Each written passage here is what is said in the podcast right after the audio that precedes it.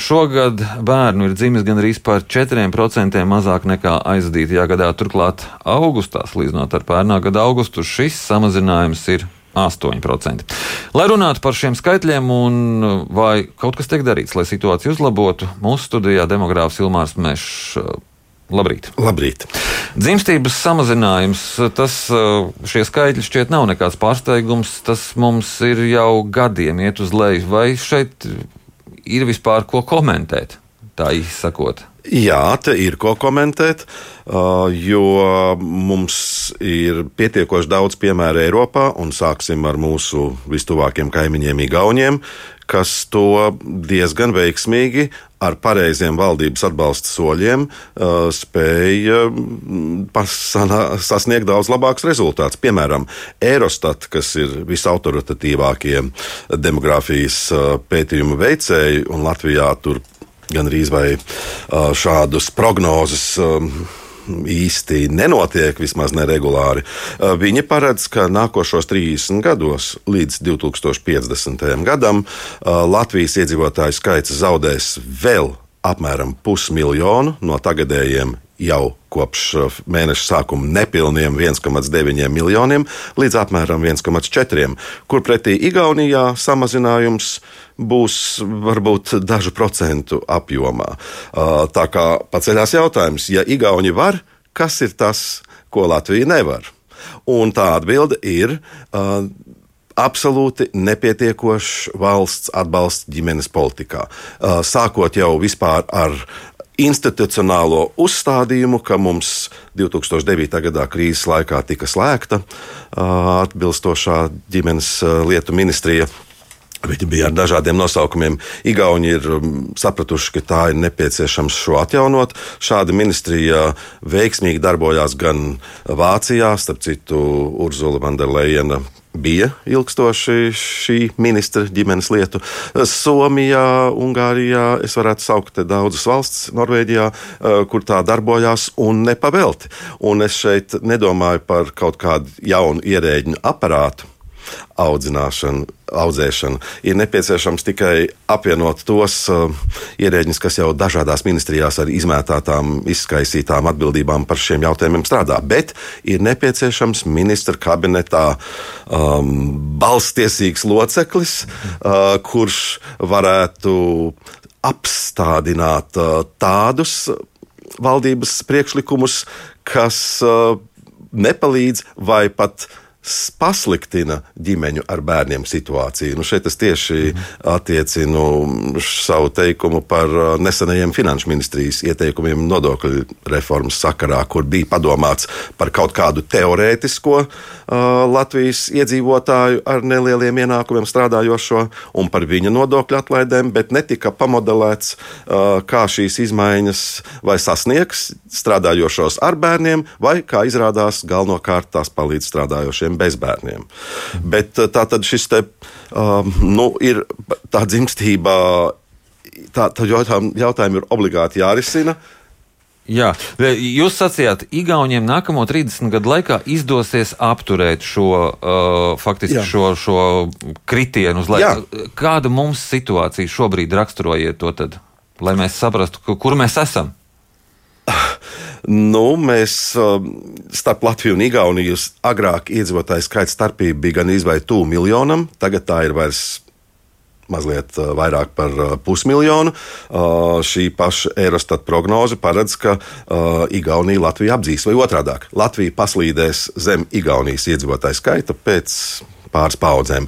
Absolūtos skaitļos mēs nu pat kopš septembra sākuma vairs neesam 1,9, bet mazliet mazāk miljoni - 1,899.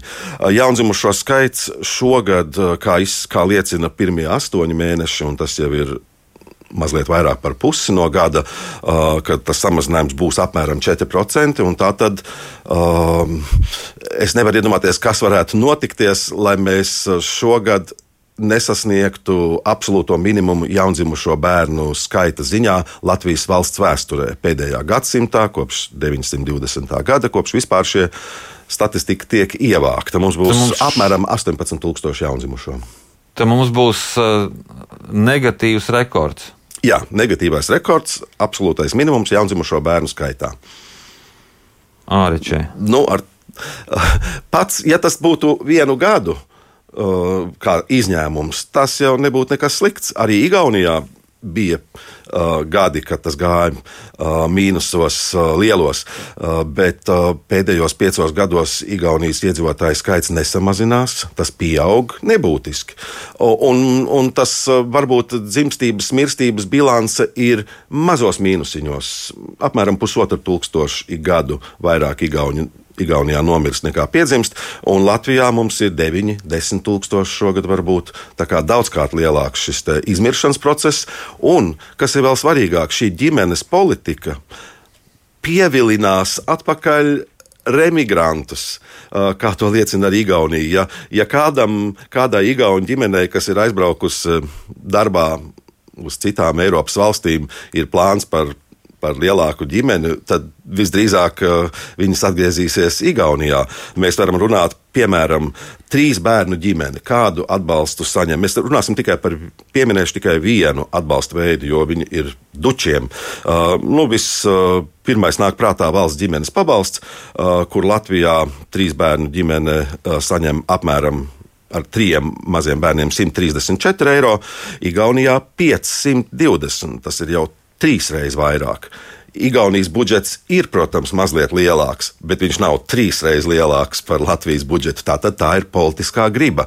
Un šeit var vērot, ka Latvijas politiķi nu, mēģina ieņemt viedokli nu, divās nometnēs.